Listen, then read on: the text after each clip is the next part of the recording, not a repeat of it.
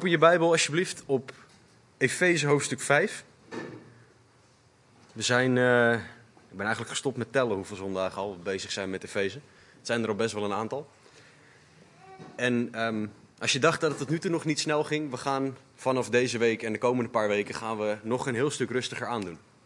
Vandaag gaan we zeven versen doen, volgende week twee. Gaan we het beginnen over, en dan kijk ik, wordt een heel interessante studie.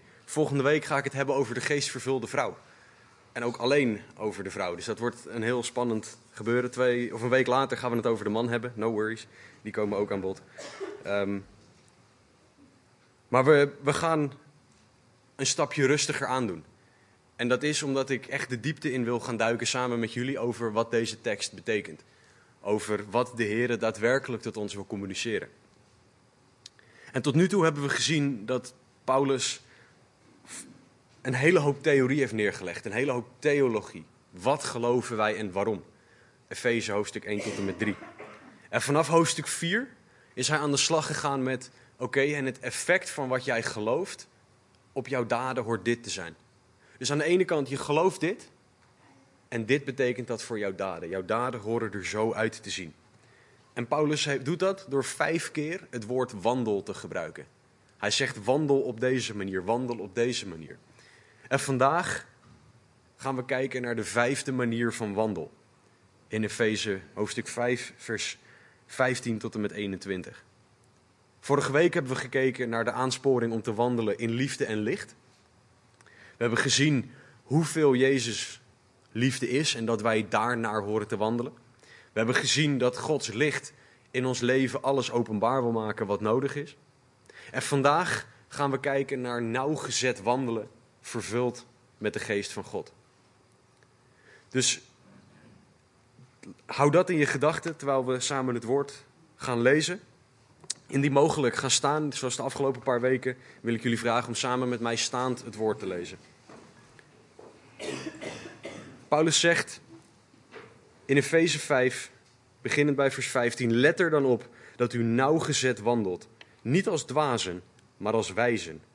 En buiten de geschikte tijd uit, omdat de dagen vol kwaad zijn. Wees daarom niet onverstandig, maar begrijp wat de wil van de Heer is.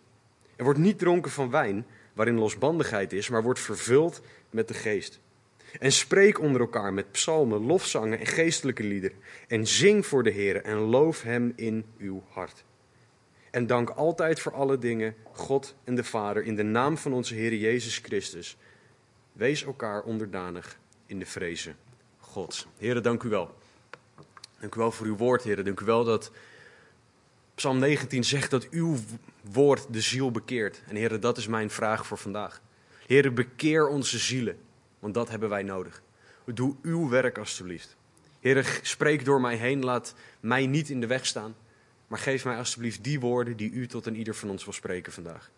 Heren, dat bid en vraag ik in Jezus' naam. Amen. Ga lekker zitten.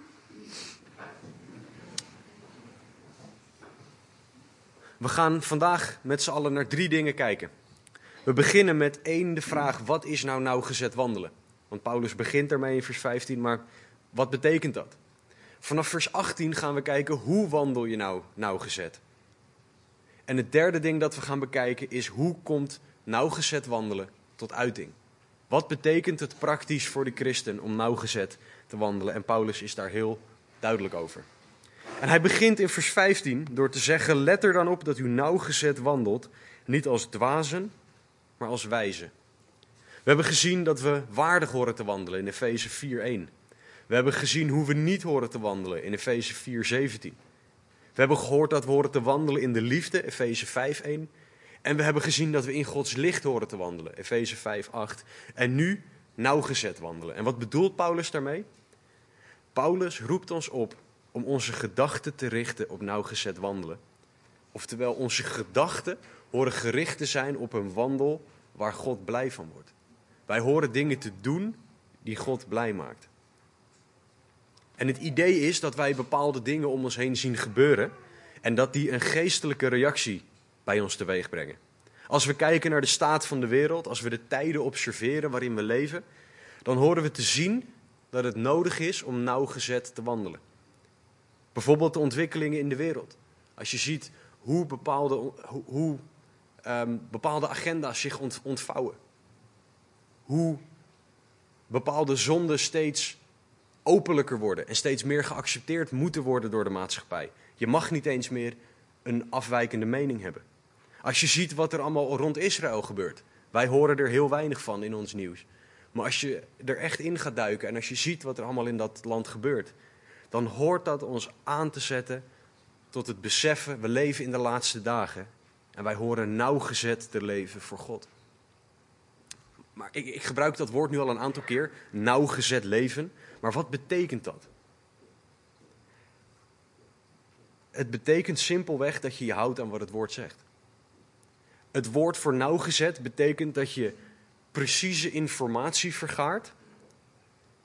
En dat je dat verkrijgt op basis van onderzoek om een compleet beeld te krijgen terwijl je bij de feiten blijft. Oftewel, wat Paulus hier zegt is: zoek wat juist is. Ga op zoek naar de dingen die goed zijn volgens Gods woord. Paulus zegt: onderzoek de Bijbel zodat je weet hoe je wel en niet moet wandelen. Hoe wel en niet te leven. En dan is de vraag, christen, waar let jij op? Waar zijn jouw gedachten op gericht? Wat onderzoek jij? Ik kan zeggen dat een aantal jaar geleden ik minder bezig was met het woord dan met uitvogelen welke voetbalspelers voor welke club spelen en hoeveel wedstrijden ze gespeeld hebben. Ik kon echt van elke voetbalspeler uit de hoofddivisies kon ik opnoemen waar die speelde. Ik kan je echt zeggen dat dat compleet nutteloze informatie is. Dat is echt, daar heb je helemaal niks aan in het grotere plaatje. Je kan misschien leuk meepraten op je werk, maar meer dan dat niet. Zijn wij bezig alleen maar met het weer? Of alleen maar met ons werk? Of zijn wij gericht op Heer, wat vraagt u van mij? Zijn wij bezig met geestelijke zaken, dingen die God eren, die zijn koninkrijk verder brengen? Wandelen wij nauwgezet, wandelen wij precies op de nauwe weg van God? Of zeggen we nou een beetje van magie en een beetje van mezelf? Zo, zo doen wij vaak. Maar waarom zou Paulus dit nou tegen ons zeggen? Hij zegt op het moment dat je dit niet doet, dan ben je een dwaas, zegt hij in vers 15. Wij horen wijs te zijn, zegt hij ook nog in vers 15. Wij horen wijs in Gods ogen te zijn. En dat is vaak iets heel anders dan wereldswijs. Wijsheid van God is dwaasheid voor de wereld, zegt 1 Korinthe. God moet ons wijsheid openbaren. Want het is niet wijs volgens de wereld om mensen te vergeven die je pijn doen, zoals Efeze 4 zegt. Het is niet werelds normaal om je vijand lief te hebben, Matthäus 5. Het is niet normaal om jezelf te verloochenen, je kruis op te nemen en Jezus na te volgen, Lucas 9. En vanaf het gedeelte waar we volgende week naar gaan kijken, is het niet logisch, werelds gezien, om jezelf volledig aan je partner in het huwelijk te geven. Als ik aan collega's op mijn werk uitleg wat het huwelijk van mij vraagt, dan moet ik ze uitleggen dat het woord van mij vraagt dat ik mezelf 100% aan mijn vrouw geef. Ik geef 100% aan haar, want dan komt zij niks tekort. Dat is compleet idioot voor de wereld. Maar jij dan? En jouw wil dan? Voor de wereld is het raar, voor God is het wijs. Dus wij horen de wijsheid van God te zoeken. Wij horen zijn standaard te zoeken. En de vraag is dan, willen wij zien wat God wijs vindt, of willen wij in ons eigen denken blijven hangen? Weet je, in de Bijbel maakt God duidelijk wat wijsheid is. Zijn woord staat er vol mee. Als je een direct boek daarvoor wil hebben, ga spreuken lezen.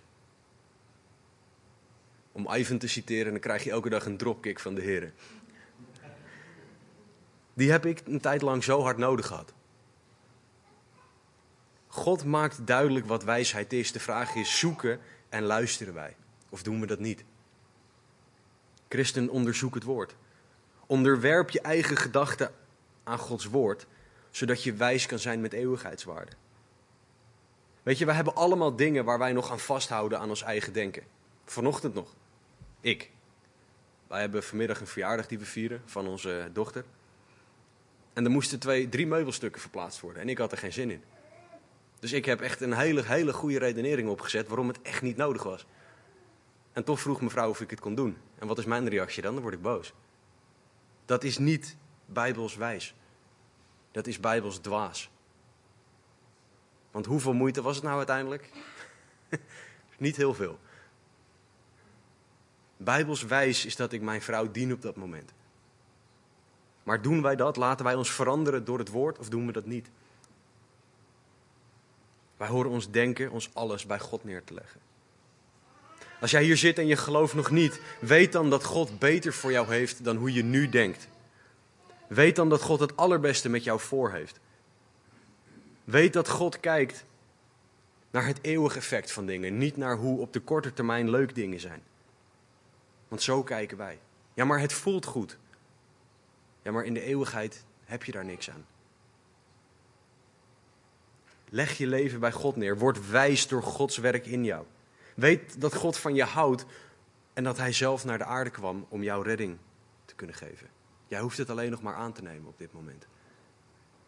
Dat is de God die op dit moment tot jou spreekt. Luister naar Hem.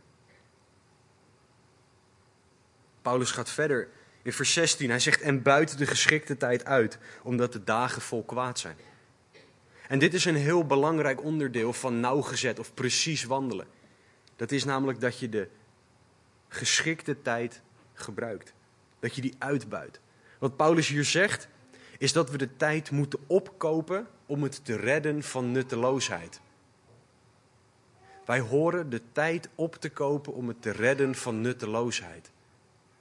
Dat is zo belangrijk, want als je ziet hoeveel dingen wij tegenwoordig wel niet kunnen doen. Zeker met het internet, zeker met onze tv's, met alle Netflix-achtige dingen die we hebben. We kunnen zoveel dingen doen. Vroeger was het al nodig om deze oproep te krijgen. Hoeveel meer vandaag de dag? Hoeveel nutteloze dingen doen wij op een dag? Het is echt belangrijk dat wij leren om onze tijd nuttig te gebruiken, maximaal te gebruiken.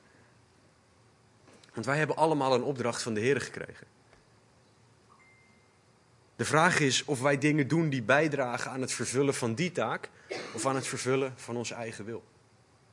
Zijn wij bezig met, ja, maar ik vind dit heel fijn, dus doe ik dit, want ik en ik en ik, me, myself en I? Of zeg ik, Heer, wat verwacht u van mij? Mijn agenda is van u. Doet u uw wil in en door mij heen.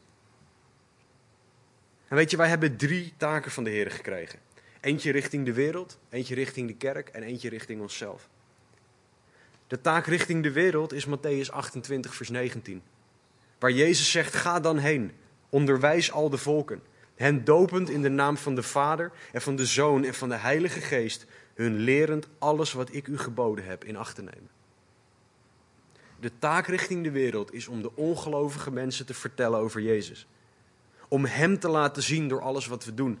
Ons leven hoort mensen nieuwsgierig te maken naar Jezus. En de vraag is dan, gaat jouw tijd hierin zitten? Of spendeer, spendeer jij je tijd aan het vertellen over Jezus? Of ben jij te druk met andere dingen? De vraag is, waar hou jij je mee bezig? Maar we hebben niet alleen een taak richting de wereld, we hebben ook een taak richting de kerk. Richting de broeders en zusters die om je heen zitten. Efeze 4:3. We worden opgeroepen om ons te beijveren om de eenheid van de geest te bewaren door de band van de vrede. Wij horen de eenheid te bewaren richting elkaar. Wij hebben de taak om bij elkaar langs te gaan. Wij hebben de taak om elkaar te kennen, de taak om elkaar op God te wijzen. Wij hebben de taak om niks tussen broeders en zusters in te laten staan.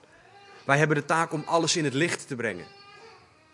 De vraag is dan of liefde regeert, Johannes 13, 35, of dat iets anders regeert in de kerk. Spenderen wij tijd aan de kerk op deze manier, of is de kerk voor ons alleen zondagochtend? Verwachten wij dat anderen dit naar ons doen? Of luisteren wij naar de opdracht van Jezus om dit zelf naar de ander te doen? Rijk jij uit naar gemeenteleden of ben je te druk? Ik zeg niet dat je niet druk mag zijn, maar waar ben jij druk mee? Zijn dat de juiste dingen? Kobus zegt het altijd wel mooi. Hij zegt: Ik ben nooit druk. Ik heb veel te doen, maar ik ben niet druk. Want druk impliceert dat, er, dat het iets zwaars is. Terwijl veel te doen betekent: Heer, ik geef alles aan u. En ik verwacht het van u, want u moet het door mij heen doen. Waar hou jij je mee bezig? richting de kerk, richting de wereld. Maar ook in je persoonlijk leven, de derde. Psalm 1 zegt: Welzalig de man die zijn vreugde vindt in de wet van de Heer en zijn wet dag en nacht overdenkt. De taak voor jou en voor mij in ons persoonlijk leven is om God en zijn woord beter te leren kennen. Lees je Bijbel, bid elke dag dat je groeien mag. Het betekent tijd aan zijn voeten, tijd in zijn aanwezigheid. Jezus had het 2000 jaar geleden nodig om elke dag op tijd op te staan, bij de Here te zijn en van Hem te horen. Wie ben ik dan? Ik, Casper de Haan. Sorry, Casper de Haan. Ik, zondig mens, terwijl Jezus perfect was als mens, om te zeggen: nee, dat heb ik niet nodig. Wie ben ik om te zeggen dat iets wat Jezus nodig had voor mij. Nee, dat, dat, dat, nee. Ik ben beter dan dat. Weet je, wij horen vreugde te vinden in Gods wet. Wij horen tijd aan Hem te besteden. Want dit is de manier waarop de christen groeit. De manier waarop wij door God veranderd worden naar zijn evenbeeld. En de vraag is niet, heb jij tijd om elke dag aan zijn voeten te zitten? De vraag is, maak jij tijd om elke dag aan zijn voeten te zitten? Maak jij tijd om zijn woord te lezen, om te bidden? Maak jij daar tijd voor of doe je dat niet? Heb je andere prioriteiten? Maar waarom moeten wij nou onze tijd nuttig besteden aan de wereld, aan de kerk, aan ons persoonlijk leven? Omdat Paulus zegt, omdat de dagen vol kwaad zijn. Paulus leefde pak een bij 2000 jaar geleden. Ik denk echt dat de wereld een stuk slechter geworden is. Weet je, de wereld zal ons opslokken en uitspugen. Op het moment dat wij onze tijd niet besteden aan nuttige dingen. De wereld heeft zoveel afleiding voor ons dat als wij niet met God bezig zijn, gaan we ons met andere nutteloze dingen bezighouden. Het woord voor kwaad dat Paulus hier gebruikt, wijst op pijn, op zwaar werk, op hard werk. Dat is wat deze wereld voor ons heeft. Op het moment dat wij niet op God gericht zijn. Wij leven in de laatste dagen en die zijn vol pijn, zwaar en hard werk. Op het moment dat wij niet van God afhankelijk zijn. Omdat de dagen zo zijn, omdat de wereld zo is, omdat we kijken naar wat er om ons heen is, horen wij onze tijd aan juiste dingen te besteden om staande te kunnen blijven. Christen, waar besteed jij je tijd aan? Besteed jij je tijd aan de juiste dingen om staande te blijven? Dingen aan dingen waar God blij van wordt? Ben jij bezig met dingen die, die jouzelf, de kerk en de wereld op Jezus wijzen? Of ben jij bezig met dingen die je niet aan God vraagt? Ben jij bezig met dingen die jouw wil zijn, die jouw gewoontes zijn? Er zit zo'n verschil tussen. Niet gelovigen, als jij ziet hoe kwaad de dagen zijn, als jij nog niet in deze God gelooft, ik denk dat je het met me eens kan zijn dat deze wereld heel vol slechtheid zit. Vol oorlogen, vol van allerlei dingen dan mag je weten dat God groter is. Dat Hij deze wereld in zijn hand heeft. Dat Hij een oordeel over het kwaad heeft. Dan mag je weten dat God van jou houdt. Je mag weten dat zonde nu nog tussen jou en Hem instaat. Ja, dat vieze woord zonde.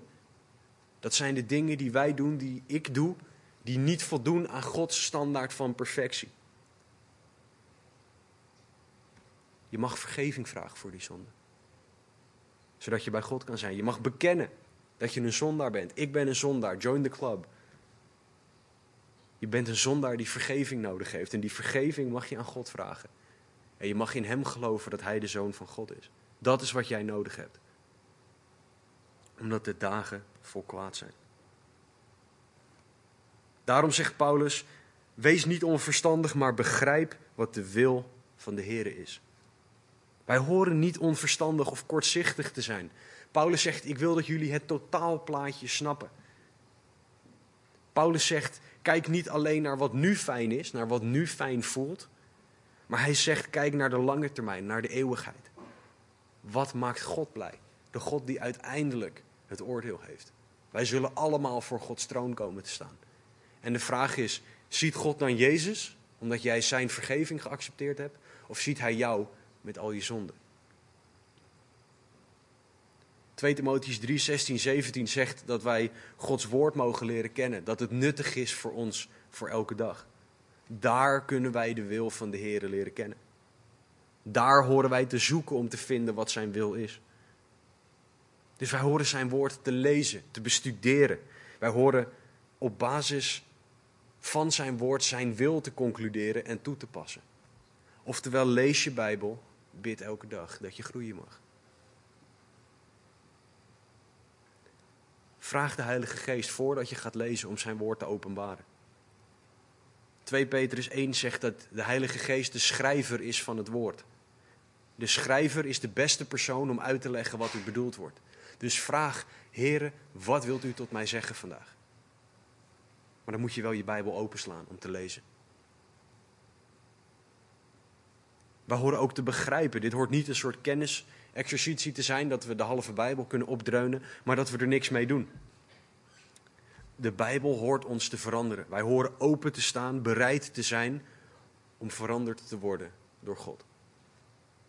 Weet je, God zoekt mensen die bereid zijn, niet mensen die alles zelf kunnen. Als God op zoek was naar mensen die alles zelf zouden kunnen, dan zou ik hier niet staan. Daar hoef je maar een vijf minuten gesprek met mijn vrouw voor te hebben, om dat meer dan te snappen. Ben jij bereid om door God veranderd te worden? Ben jij bereid om jouw denken af te leggen en je te laten veranderen naar de Heer? Of ben je dat niet? En blijf jij zitten, blijf je doen wat je altijd doet? Einstein heeft ooit gezegd: de definitie van gek zijn is hetzelfde blijven doen en een ander resultaat verwachten. Als jij hetzelfde blijft doen, maar wel gaat verwachten dat God dingen gaat veranderen. Als jij doet wat je altijd al doet, zonder het aan God te vragen. En je verwacht dan opeens, nu geloof ik in God, dus nu gaat alles goed. Of nu weet ik dat God er is, dus nu gaat alles anders. Zo werkt het niet. Jij moet jezelf aan God geven. En dan gaan dingen veranderen.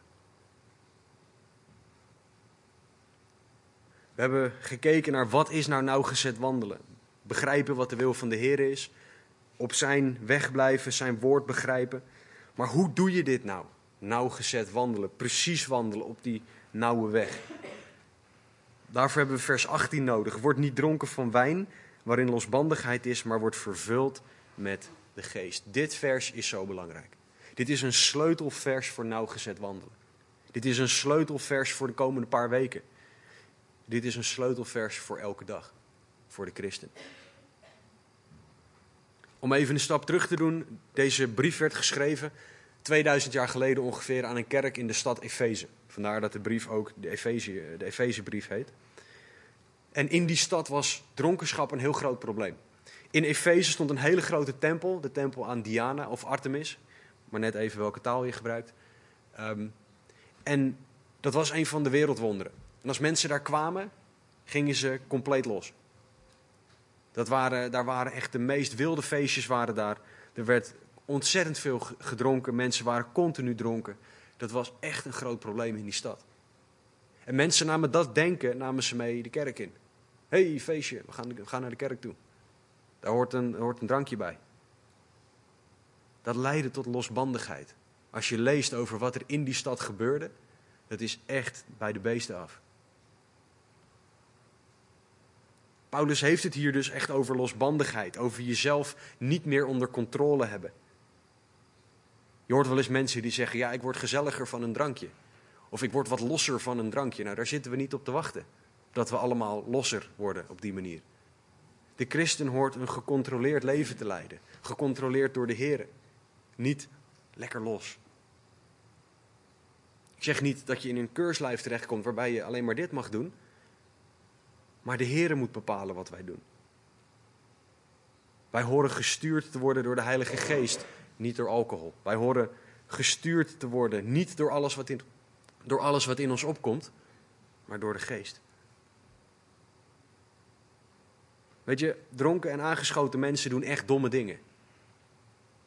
We vinden het grappig tegenwoordig, maar het is gewoon oliedom. En dan zeggen mensen, ja, het komt door de alcohol. Nee, dat komt doordat jij alcohol gedronken hebt. Heeft niks met de alcohol zelf te maken.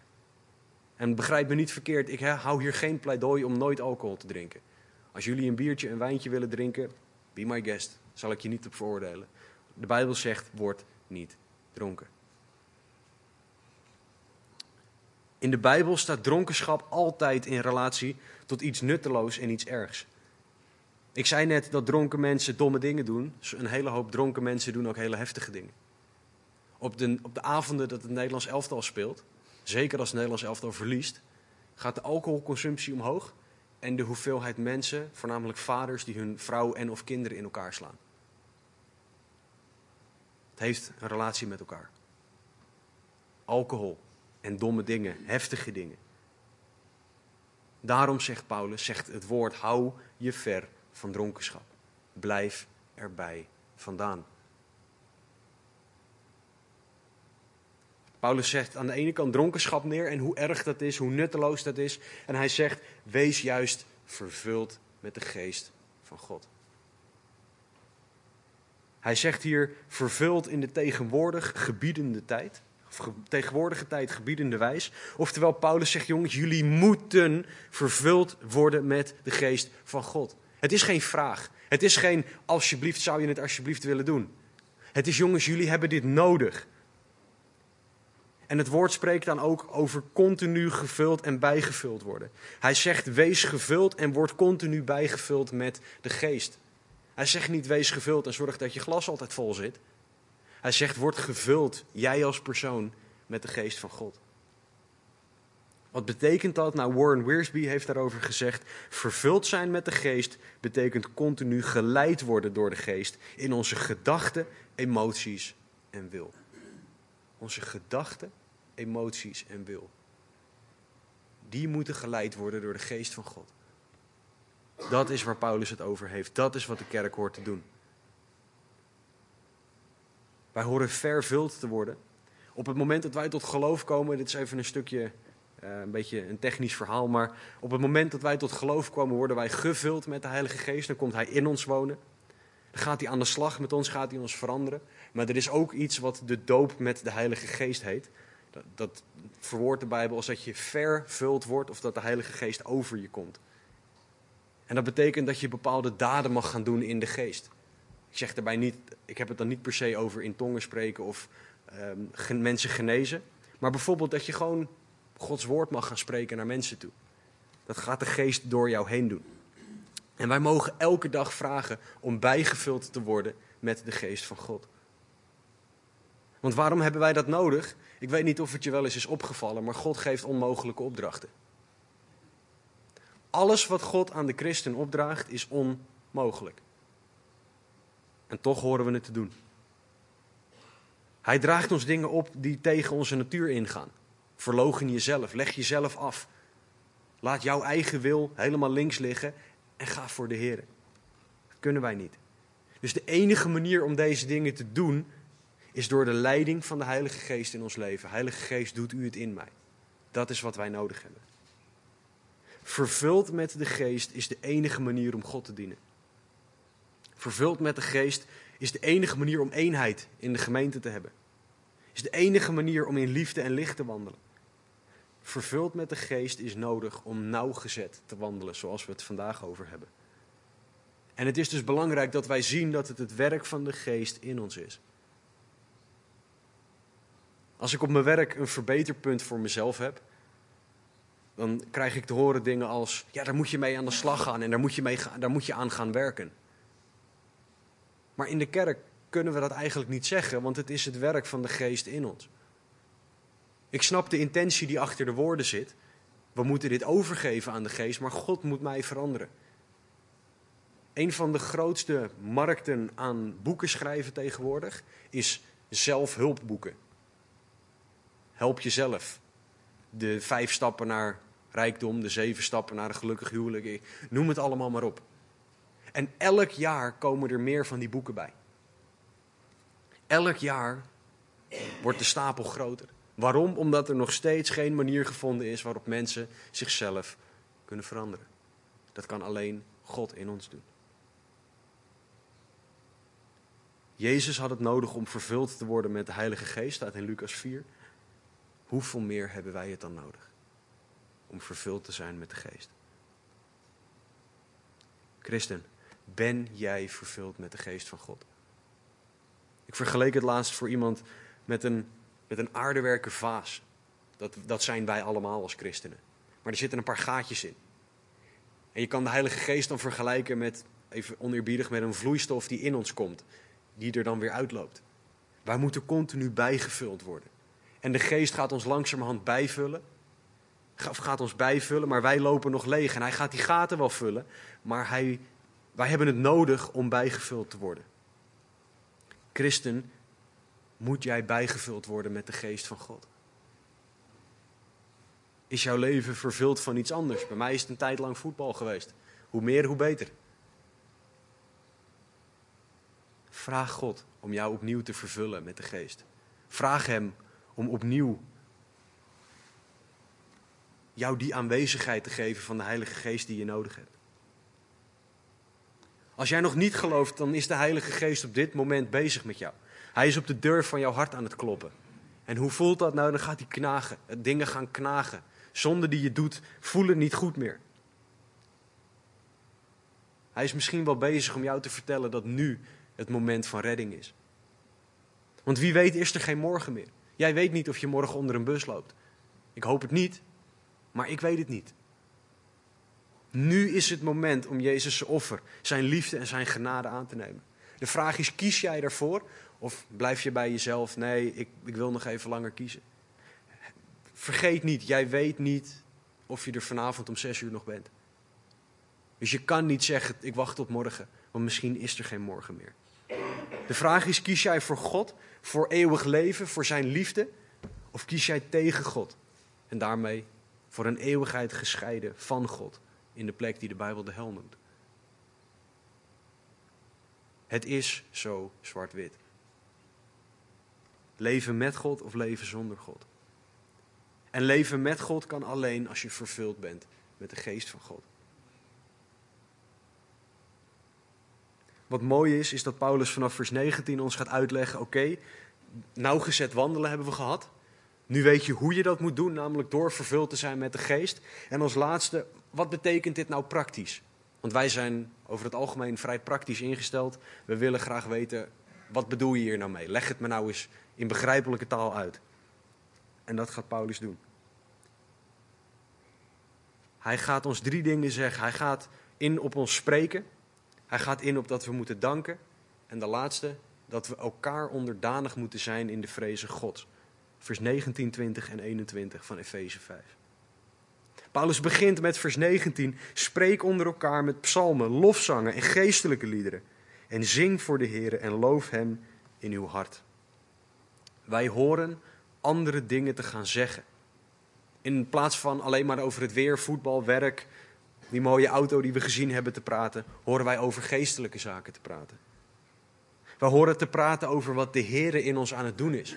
En ja, dat betekent dat je je hart moet openen voor iemand anders. Dat je moet vertellen over die dingen waar je mee worstelt. Dat je moet vertellen over het feit dat jij als man misschien wel worstelt met pornografie en dat jij daarom hulp nodig hebt van je broeders. Dat jij als vrouw misschien moeite hebt met juist praten of denken over iemand. Ik pak nu even twee generaliserende zonden.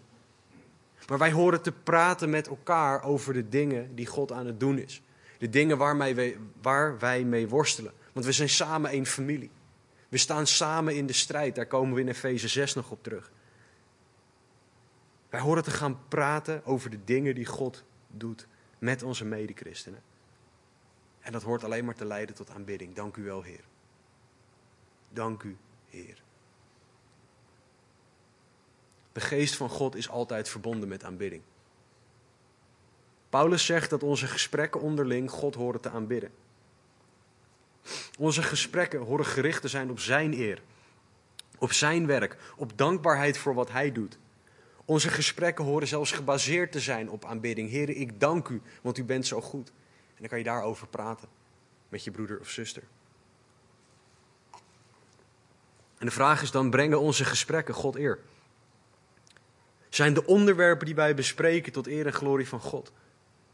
Zou Jezus blij zijn? Is Jezus blij met onze gesprekken? Denk je eens in dat Jezus fysiek naast je staat. Zou je dan hetzelfde bespreken met de mensen die je hier spreekt, als wanneer Jezus er niet fysiek zou staan? Onze gesprekken horen God eer te geven. Paulus gaat verder, wij horen ook te zingen. Ons leven hoort God toe te zingen. En dat betekent niet dat we nu allemaal zingend over straat hoeven te gaan. Paulus is heel duidelijk, loof hem in uw hart. Sommige mensen is dat ook, laat maar. Niet iedereen kan nu mooi zingen met mond- en stembanden, maar het gaat om het hart, is wat Paulus zegt. We mogen gelukkig weten dat in de hemel iedereen perfect kan zingen, dus dat wordt alleen maar mooi. Daar kijk ik heel erg naar uit. Maar de vraag is, aanbid jij God in je hart? Is jouw hart gericht op God of is jouw hart gericht op iets anders? Zingt jouw hart het uit naar God? Is jouw hart gericht op Hem alle eer geven? Is jouw hart gericht om Hem te danken in elke situatie? Ook als het misschien tegenzit, als je het zwaar hebt.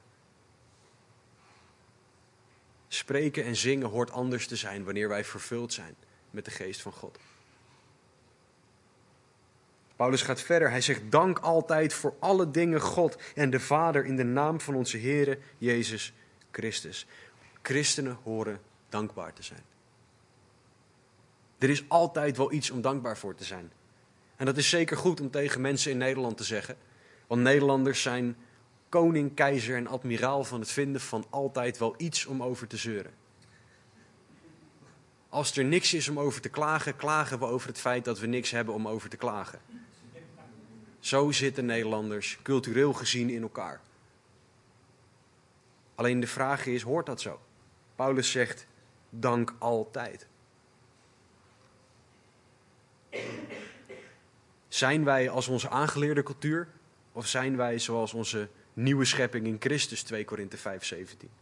Christenen horen dankbaar te zijn ten eerste naar God toe en daardoor word je dankbaar voor wat je broeders en zusters voor je doen op het moment dat ze iets doen. Wij hebben zoveel om dankbaar voor te zijn. Onze redding, dat Jezus gekomen is, de hoopvolle toekomst die Hij geeft. Onze broeders en zusters, dankbaar voor het woord, dankbaar voor de geest, dankbaar voor. Ga zomaar door. Er zijn duizenden dingen om dankbaar voor te zijn. Alleen de vraag is: zien wij dat? Of zijn wij gericht op, ja, maar ik vind eigenlijk dat ik. De geest van God zal ons altijd aanzetten tot dankbaarheid. Dankbare mensen zijn ook zo fijn om mee om te gaan. Dat zijn mensen die zo lief en genadig en geduldig zijn. Dat zijn mensen die het niet erg vinden als iets niet helemaal gaat zoals zij het willen. Of zoals zij het verwachten. Want ze zijn gewoon dankbaar. Dat is het werk van, de Christ, van God in de christen. En de vraag is dan, ben jij dankbaar? Ben jij dankbaar voor wat God gedaan heeft? Ben jij dankbaar voor de dingen die hij doet? De dingen die hij gaat doen, de dingen die hij gedaan heeft? zie jij dat er oneindig veel is om dankbaar voor te zijn en daardoor geen reden om te klagen. Doe er eens een studie naar. Zoek of je Jezus ooit kan betrappen op klagen. Als je dat vindt, kom even bij me langs.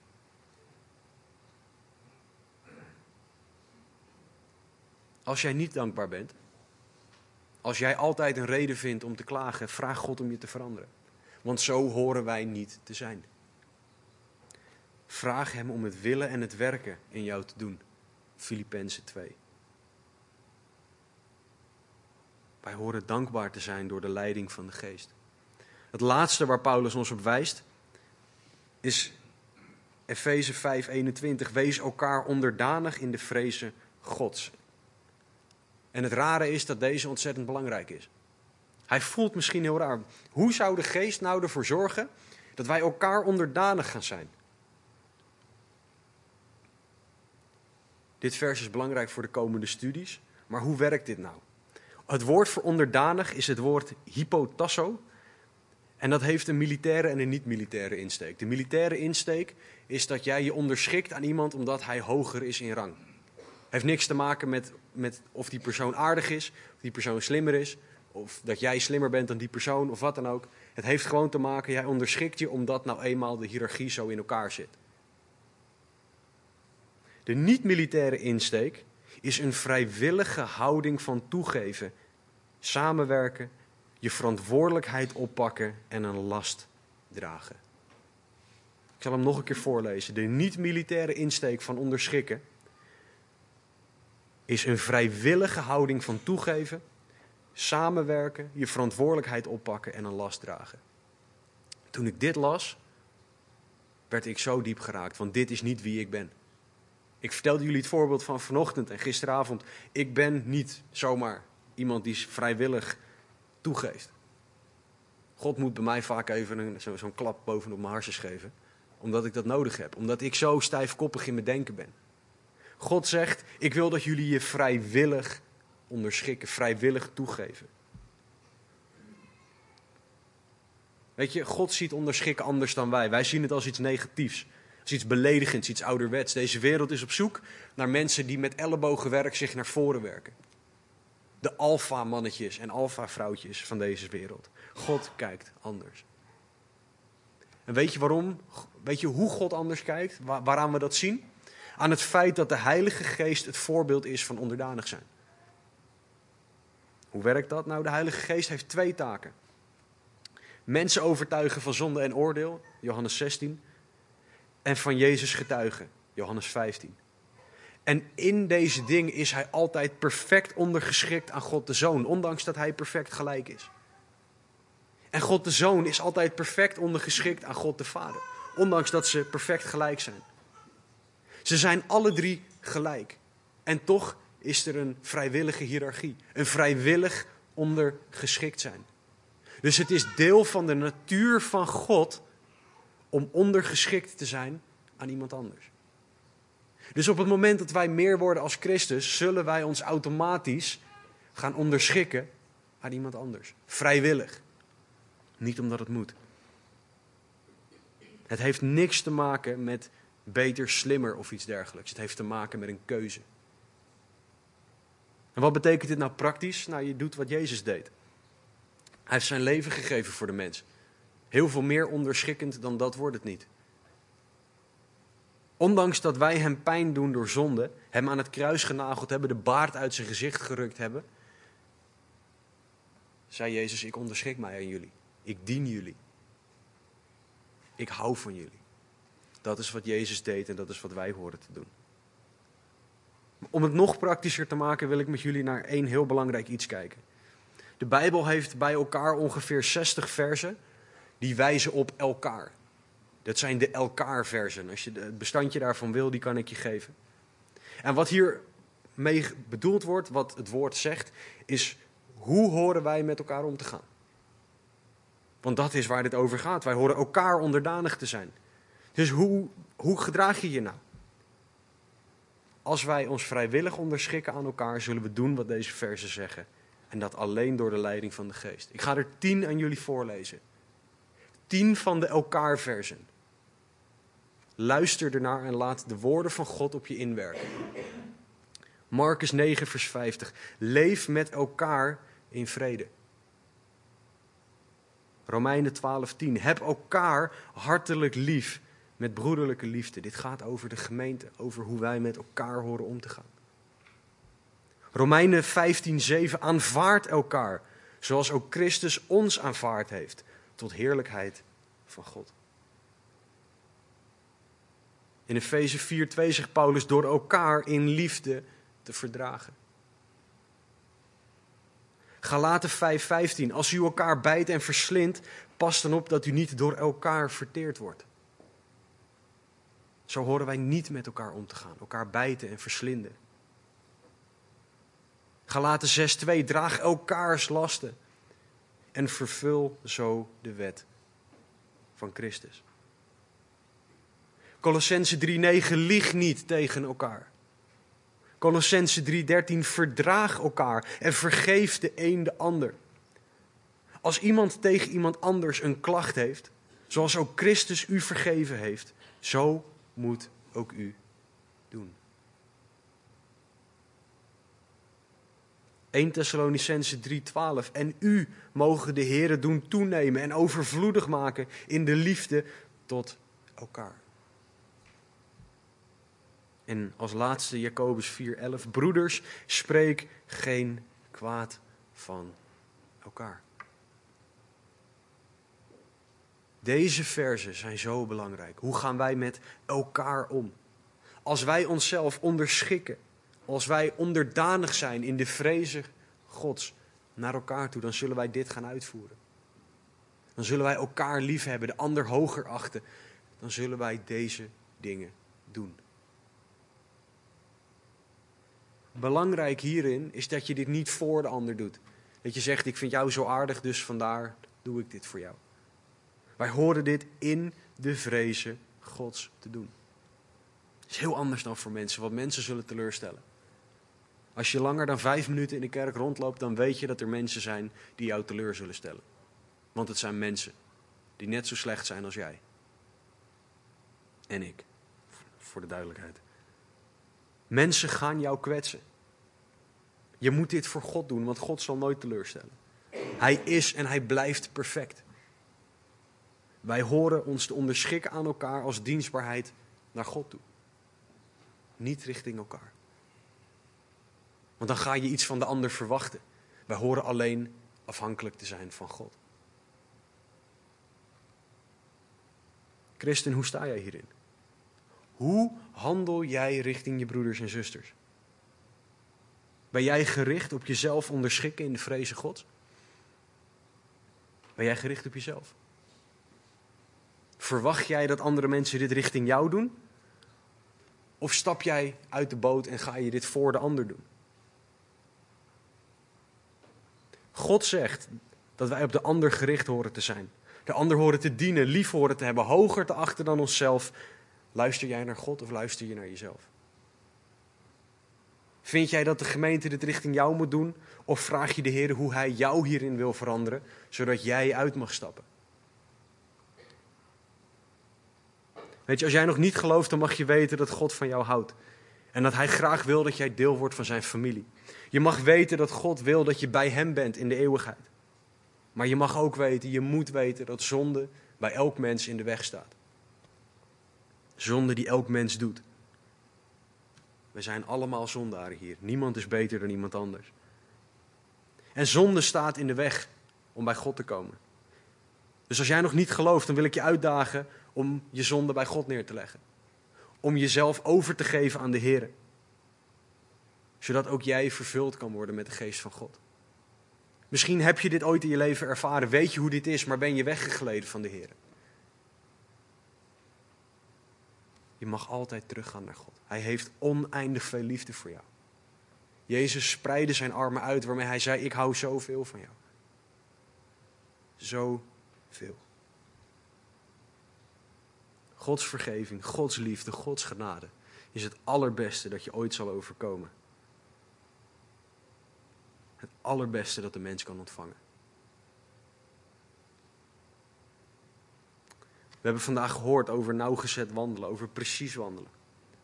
We hebben gehoord, we hebben gepraat, we hebben gekeken naar tijden, onze tijd nuttig inzetten voor Gods koninkrijk. We hebben het gehad over de wil van God begrijpen. En we hebben gezien dat dat gecombineerd met anders spreken, altijd dankbaar zijn en onderdanig zijn aan de Heer alleen mogelijk is. Door de geest van God. Het aanbiddingsteam zal zo naar voren komen.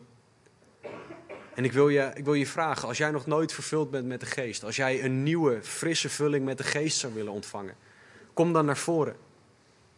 Ik wil vragen of uh, Delano, Esmeralda, Joanie, Evelina aan de zijkant willen gaan staan. Tati, wil jij ook aan de zijkant gaan staan, alsjeblieft? Ga daar alsjeblieft staan. Taco, misschien jij ook.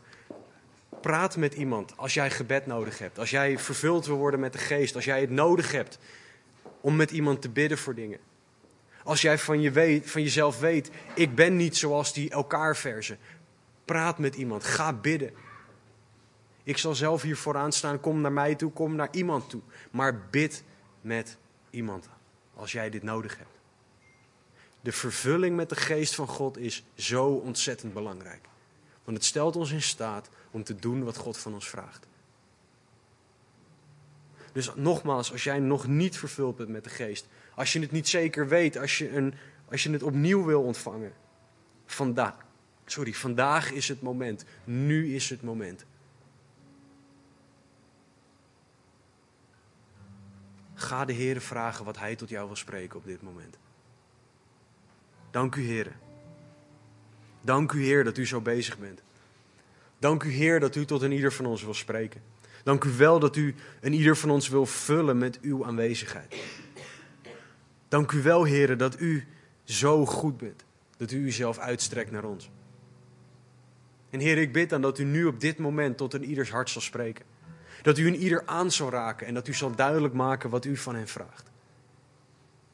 Heer, ik bid dat als er hier mensen zijn die nog niet geloven, dat u op dit moment hen tot geloof zal brengen. En dat zij zullen bidden met iemand. Ik bid dat als er hier mensen zijn die nog niet gevuld zijn of opnieuw gevuld moeten worden met de geest, dat u dat op dit moment zult doen. Heer, en dat ook zij om gebed zullen vragen. Heer, ik bid dat u in ieder zal aanspreken waar dat nodig is. Dat u in ieder tot uzelf zal trekken, Heer, want wij hebben het allemaal nodig.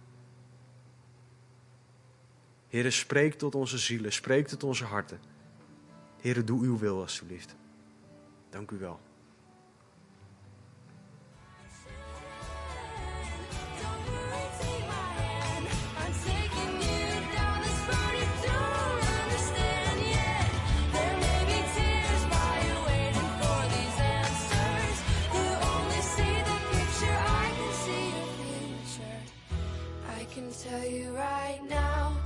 gonna be alright.